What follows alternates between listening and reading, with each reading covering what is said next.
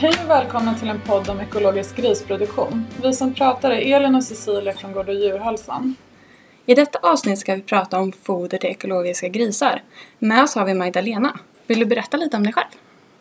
Ja, jag heter Magdalena Åkerfeldt och jobbar som forskare på SLU vid institutionen för husdjurens utfodring och vård.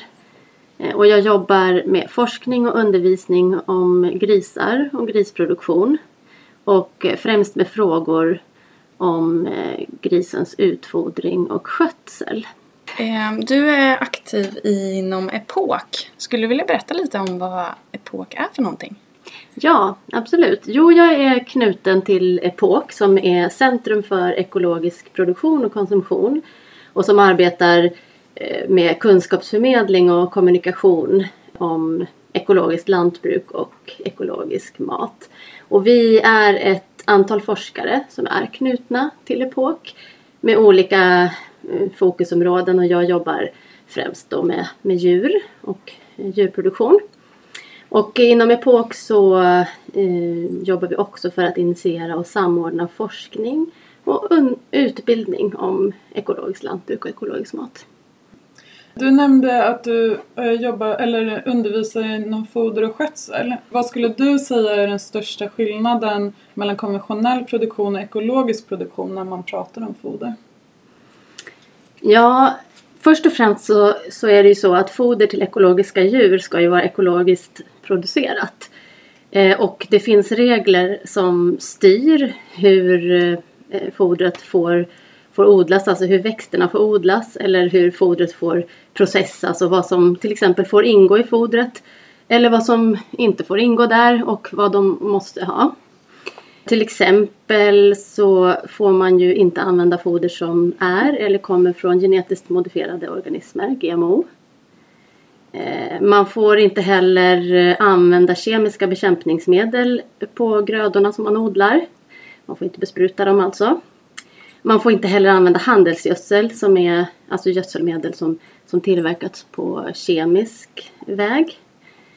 Det är några saker som, som gäller. Eh, man får inte använda kemiska medel när man så att säga tar fram olika foder. Om vi tar ett exempel när man ska utvinna olja från rapsfröet. Då får man inte använda kemiska lösningsmedel för det utan rapsfröet måste pressas, liksom kallpressas kallas det. För att utvinna oljan. Och man eftersträvar också en, en hög självförsörjningsgrad. Det betyder att en stor andel av fodret ska produceras eller ha odlats på den egna gården. Det är väldigt eh, viktigt inom ekologisk produktion. Sen finns det också regler som säger att man inte får använda eh, syntetiskt framställda aminosyror. Och det är, är ju så att i foder så finns det naturligt med aminosyror, alltså byggstenar i proteinet som är livsnödvändiga för djuret. Och de finns i olika mängder och olika sammansättning i olika fodermedel. Och i icke-ekologisk produktion eller konventionell produktion så får man precisera, man får tillsätta renframställda aminosyror för att spetsa fodret och precisera den exakta mängden av aminosyror. Eh, utan att få för mycket av det totala proteinet. Det här får man inte heller göra i ekologiska foder. Eh, sen ska alla ekologiska djur och, och även grisar och fjäderfän få grovfoder varje dag. Eh, och det kan vara färskt, som till exempel bete. Eller torkat, eh, som kan vara hö eller ensilage. Det kan också vara rotfrukter och så vidare. Tillgodogör sig de vallproteinet i sig när det är ensilerat eller på bete? Ja, alltså man ska ju komma ihåg att grisar eh, kan ju inte utnyttja gräs eller grovfoder på samma sätt som kor gör.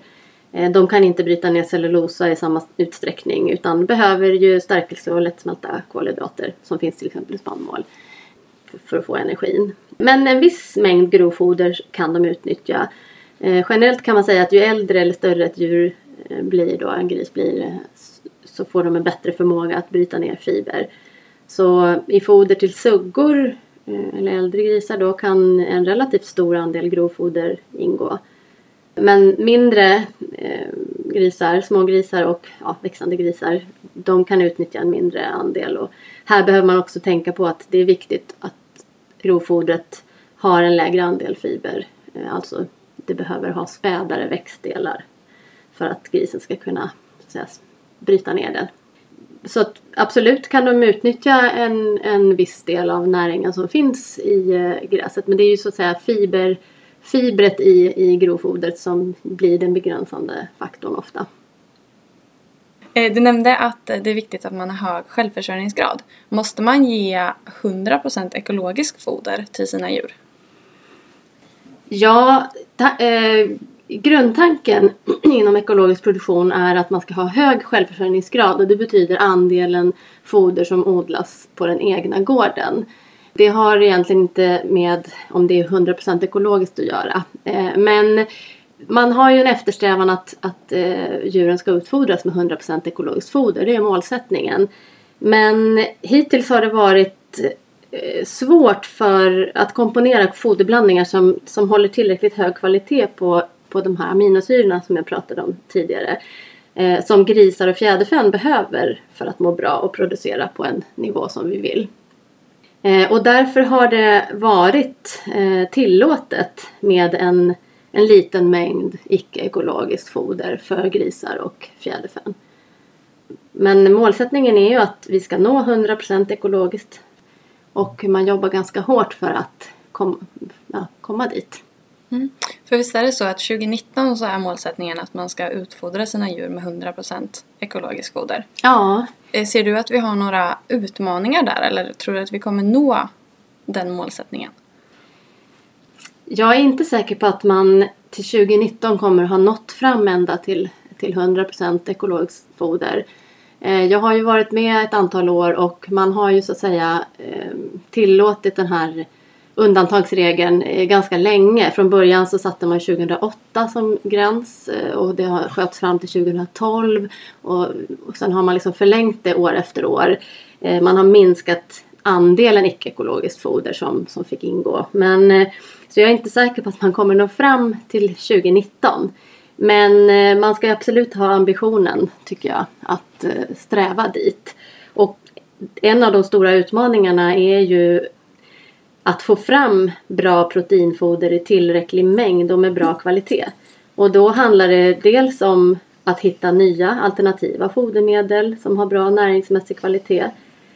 Och eh, också sätt att behandla fodret eller när man tar fram fodret som, som kan öka djurets näringsupptag. Eh, men det handlar också om att man anpassar utfodringsstrategin, alltså det vill säga hur vi utfodrar djuren i praktiken som kan också ligga till god grund för, för att få ett bättre näringsupptag. Och eh, jag tror, eller jag tycker nog att potentiella foder finns det en del. Och det finns mycket forskning som görs på det här området. Men det är idag svårt att få fram tillräcklig mängd. Det finns begränsningar i, i regelverk och det finns begränsningar i, i eh, livsmedelsproduktionen som gör att vi inte får fram tillräcklig mängd och till ett rimligt pris. Um, och där är nog en av de, det är nog en av de stora utmaningarna. Vi kan ju nämna bara för de som inte vet att idag ligger gränsen på icke-ekologiskt eh, foder på 5 mm. Så man är ganga nära 100% men inte riktigt där. Mm. Och då är det bara proteinfoder mm. som får vara icke-ekologiskt då. Och det är bara till grisar och fjäderfän. Så att till nötkreatur och får så där är ju 100% som gäller. Mm. Men som sagt, det, det, pågår mycket forskning på det här området. Jag är bland annat involverad i ett eh, EU-projekt som är ett kunskapsbyggande forskningsprojekt inom EU då med olika europeiska länder som är delaktiga. Och det här där man då Eh, ska försöka komma fram till att hitta nya innovationer, eh, nya foder och också för att dela kunskap och information kring det här mellan länderna. Och där, där eh, det bygger också på att, att lantbrukarna är med i det här projektet så att man ska liksom ha ett kunskapsutbyte mellan länderna också. Spännande. Det pågår ju också en intressant diskussion det här med sojan som vi importerar ganska mycket idag. Eh, hur tror du man ställer sig till det i framtiden? Eh, ja, det är ju ett stort tryck på att hitta alternativ till sojan. Eh, som ju är ett eh, jättebra fodermedel ur många perspektiv eh, eftersom det, det är lätt att få tag på och eh, det är billigt ofta och eh, det har en bra eh, protein och aminosyrakvalitet. Men diskussionen pågår ju därför att man vet ju också hur produktionen av soja går till och därför så försöker man ju att hitta alternativ som kan ersätta sojaanvändandet.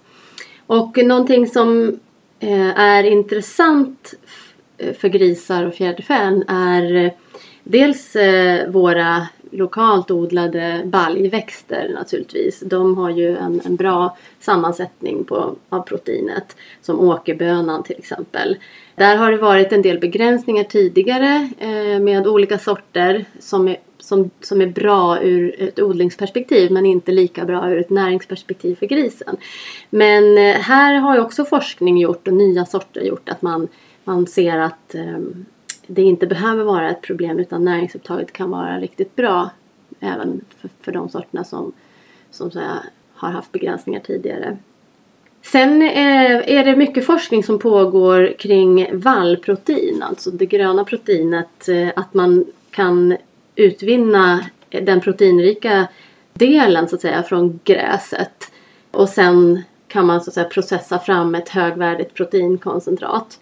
Eh, det här är någonting som, eh, som det pågår mycket forskning kring. Och där är det också naturligtvis att tekniken måste gå hand i hand med, med, eh, med produktionen och se att man kan få fram det här på ett, på ett bra sätt och till ett rimligt pris. Men det är helt klart intressant. Sen tycker jag att man ska inte glömma de befintliga spannmåls och proteinråvarorna som vi använder idag. Här kan man också göra en hel del tror jag genom att hitta odlingsstrategier eller nya sorter som har en bättre aminosyrasammansättning och som är, kan innebära ett bra näringsupptag också hos djuret. Du nämnde lite här om vallprotein och varför är det intressant att kunna utvinna protein från vallgrödor till grisarna? Ja, men det är ju intressant därför att eh, det är ju så att Grisar kan ju inte utnyttja gräs eller grovfoder på samma sätt som kor till exempel. De kan inte bryta ner cellulosan eller de här fibrerna som finns i samma utsträckning och behöver ju andra eh, liksom, mer lättsmälta kolhydrater egentligen för, för sin energiförsörjning. Och det begränsar ju eh, möjligheterna för grisarna att äta, att äta gräs. Då. Men det man har sett är ju att det går att, så att säga, ren framställa. Man kan pressa ut den här liksom, proteinrika delen ur eh, gräset. Och sen utifrån det då genom olika processtekniska eh, metoder eh, kunna framställa ett, ett proteinkoncentrat som blir liksom högvärdigt ur kvalitet på. Och det här håller man på med och forska ganska mycket om. Eh, det handlar ju mycket om att hur man ska utvinna det här och processen att komma dit. Eh, man ser att det finns en stor potential för att grisen ska kunna använda det. Och att man också skulle kunna använda den här restprodukten som blir, alltså den fiberrika delen. Antingen eh, använda till nötkreatur eller att den kan gå in i till exempel biogasanläggningar som ett substrat då. Så att det blir en, en, en bra, ett bra utnyttjande av hela grödan så att säga. Eh, sen är det också intressant med vallprotein för att vi försöker ju hitta fodermedel som så att säga inte ska konkurrera med föda som kan vara till människor. Och det är också så att eh, vall, alltså vallslåtterängar eh, kan ju odlas på kanske marker som inte passar lika bra för att odla till exempel spannmål på. Så där blir också en intressant aspekt av att odla vall. Eh, därför att man kan utnyttja eh, mark till vallproduktion som man sen kan få fram då förhoppningsvis ett bra proteinfoder ifrån. Det låter verkligen superintressant. Har man börjat eh, har man testat det här proteinet på grisar eller är det fortfarande i teorin? Jag är inte helt säker på hur långt man har kommit. Jag vet att man har gjort mycket beräkningar och man har ju också processat fram en viss del av det här och man har ju teoretiskt sett att det skulle vara möjligt. Sammansättningen på proteinet är väldigt fördelaktig. Men jag måste låta det vara osagt mm. Eh, hur långt man har kommit i processen. Det pågår forskning i nordisk, de nordiska länderna på, på flera plan kring det här och det är väldigt eh, aktuellt forskningsområde. Mm. Så himla spännande. Verkligen. Insekter skulle kunna bli ett bra substitut just proteinmässigt. Vad tror du om att utfodra grisar med insekter? Kommer det vara något vi gör i framtiden? Mm. Ja, det tror jag. Ehm, det pågår väldigt mycket forskning på det här området. Både vad gäller olika eh, insektssorter, även akvatiska råvaror, alltså alger eller vattenlevande organismer, musslor, sjöpung, det finns eh, sjöstjärna, det finns mängder av olika akvatiska råvaror som är intressanta ur ett näringsmässigt och proteinperspektiv för, för gris och fjäderfä. Men eh, huruvida det skulle vara aktuellt för ekologisk produktion, eh, det, det, tror jag att som fodermedel tror jag det kan vara intressant och tror att det finns möjligheter. Eh, idag får man inte odla insekter för, livs, för livsmedels eller eh, foderproduktion mer än till, som foder till fisk. Där har det blivit tillåtet. Men man, eh, man tror att det kommer att bli tillåtet även för gris och fjäderfäproduktion inom några år.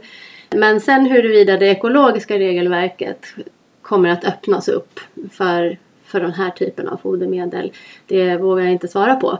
Jag tror att det kommer kräva en viss förändring av regelverket och det behöver bli en anpassning hur man så framställer råvaran och jag tror att det kommer bli regler kring det också i sådant fall som blir viktiga.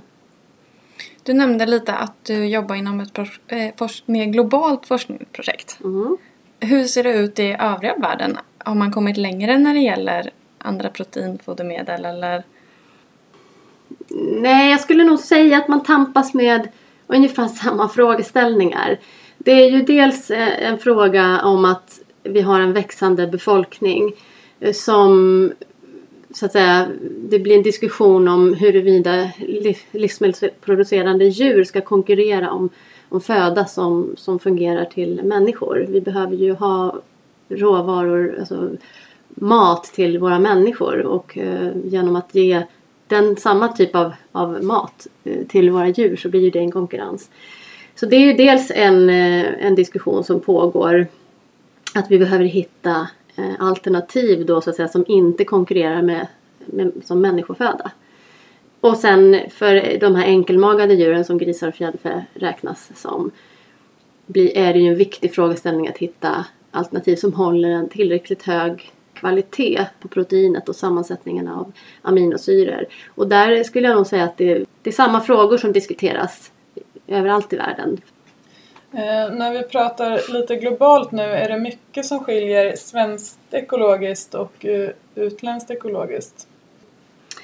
Vad gäller foderfrågan så är det inte jättestora skillnader. Det finns ju som sagt re regelverk som styr vad man får och inte får eh, ge och hur så att säga, fodret ska ha producerats då. Och det är ganska lika och inom EU så är, alla länder inom EU måste följa ett, ett regelverk för ekologisk produktion på EU-nivå. Och så där gäller ju samma regler. Och det är minimiregler kan man säga. Sen finns det regelverk som ligger utöver och till exempel i Sverige så har vi ju många producenter i anslutna till KRAV. Eh, och KRAV de har några ytterligare regler som, ligger, som är lite striktare. Till exempel en, en, en tydlig skillnad är ju att om man tittar på EU-ekologisk produktion så ska grisarna då ha, och djuren ha tillgång till grovfoder. De behöver inte gå ute på betesmark. Medan man då i KRAV har regler som, som säger att grisarna ska en viss del av året vara ute på bete. Så där finns skillnader. Och där kan det också vara skillnader eh, så att säga, mellan svenskt då och eh, ja, inom andra länder inom EU. Och sen eh, finns det som sagt regler för länder utanför EU. Där finns ju andra regler som, som också kan skilja. Mm. så att säga. Eh, men det ska ju vara, regelverken finns ju där för att man ska ha en, en så att säga, harmoniserad lagstiftning så att när vi pratar export och import att det ska vara samma saker som gäller för, för olika länder. Vi har ju pratat mycket om proteinfoder nu. Räcker det inte att utfodra grisar med, med bara spannmål för att uppfylla det? Ja, man kan väl säga så här att eh, spannmål är en jättebra källa för att grisen ska få i sig energi. Och eh, i en traditionell eller en, en, vanlig foderblandning till grisar idag är ju att det innehåller ungefär 80% spannmål. Spannmål är ju en, en, relativt billig och bra råvara. Men eh, om grisen ska producera eh, mycket, till exempel eh, få många smågrisar och producera mycket mjölk eh, till smågrisarna att dia. Eller ska växa och bli så att säga en bra slaktkropp. Då eh, behöver man tillsätta eh, protein också. Och dessutom ska ju eh, grisen måste ju också få nödvändiga vitaminer och mineraler och spårämnen och så. Så det blir viktigt att man också kompletterar det spannmålsbaserade fodret med eh, olika proteinråvaror som har den här rätta aminosyrasammansättningen som jag pratade om tidigare. Om man vill lära sig mer om ekologiska grisar och foderstater, har du något tips om vart man skulle kunna vända sig då? Ja, absolut. Först och främst eh, om man vill eh, läsa på mer eller se, lära sig mer om eh, näringsrekommendationer till grisar eller vilka fodermedel man kan använda och vad de innehåller. Då har vi på SLU, på Institutionen för husdjurens utfodring och vård, en eh, sida där eh, då man kan läsa om näringsrekommendationerna och, och fodermedlens innehåll av näring. Och hur man också kan utfodra grisar för att möta deras behov av näring. Men det är ju generellt och inte något specifikt för ekologisk produktion. Och eh, om man vill lära sig mer om, om ekologisk produktion och foder till ekologiska grisar, vad som gäller, vilka regler som gäller och så vidare. Så skulle jag rekommendera att man eh, tittar på Jordbruksverkets hemsida. De har väldigt mycket information kring det. Och eh, även då på, på Kravs hemsida, där kan man ju läsa väldigt mycket om vad som gäller för regler och så. Det finns också nationella riktlinjer för ekologisk produktion på LRFs eh, hemsida som man kan titta och läsa på. En avslutande fråga. Varför är det viktigt att konsumenten gör medvetna val i affären? Mm, eh, jag, jag, tycker att det är viktigt att eh, konsumenter gör medvetna val och eh, oavsett eh, vad man väljer när man står i affären så tycker jag det är viktigt att konsumenten vet eh, varför man väljer på ett visst sätt. Eh, ibland handlar det ju kanske bara om priset. Man väljer för att det är billigt. Men då kanske man också ska vara medveten om vad, eh, vad, som, vad det innebär alltså för pro hur produkten har tagits fram och, och sådana saker.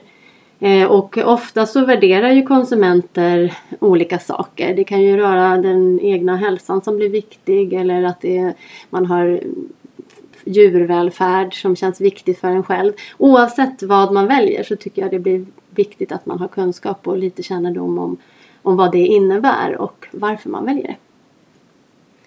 Då vill vi tacka Magdalena så jättemycket för att eh, du kom hit idag. Tack så mycket. Vi hoppas att ni fortsätter lyssna på våra andra avsnitt. Inspelning av denna podd finansieras av Europeiska jordbruksfonden för lantbruksutveckling.